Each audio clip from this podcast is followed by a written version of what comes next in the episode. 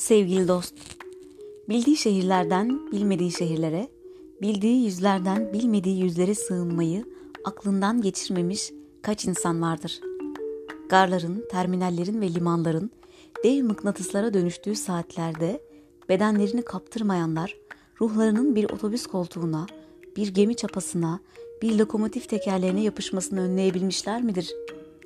Başımı alıp gitmek istiyorum cümlesi kim bilir hayatımızın kaç kilidini kurcalamış, açayım derken kaç yeni kapı örtmüştür üstümüze.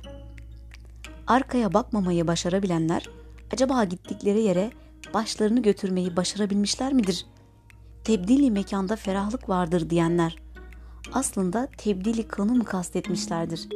Sevgili dost, kalbimi alıp uzaklara gitmek istiyorum.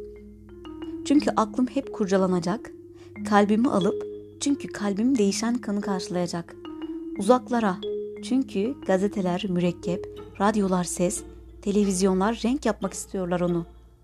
Gitmek istiyorum. Çünkü gitmek kalmaktan daha pullu. Bir gece kıyafeti gibi ışıl ışıl parlıyor teni. Bir gece kıyafeti gibi soyuyor gurbetini. Sevgili dost, garip Şam'daki, Yemen'deki garip değil, garip mezardaki ve kefendeki gariptir demiş Araplar.'' Ne garip, garibin yüzü soğuk olur demiş Türkler. Ne garip. Eskimoğlar güneşin gurbetçi olduğunu düşünmüşler.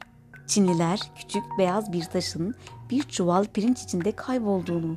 Ne garip. Sevgili dost, hafız hiçbir yol yoktur ki sonu olmasın demiş. Ama ne çıkar? Bizim otobüslerimizin aynalarında hala ömür biter yol bitmez yazıyor. Düz yolda da sürçer insan deyince Çao, Aşık derdi cevap veriyor. Doğru gitsem yollar komaz, bükük yollar boynum gibi. Sevgili dost, uçak sürüleri havalanıyor yerden. Trenler sihirbazların ipleri gibi oynuyor. Deniz yakıyor ütülerken tekneler. Perdeler sarkıyor otobüslerden. Sevgili dost, insan tekerleği bulduğu zaman başına neler geleceğini bilseydi, bakmadan arkasından yuvarlardı onu ıssız bir yere.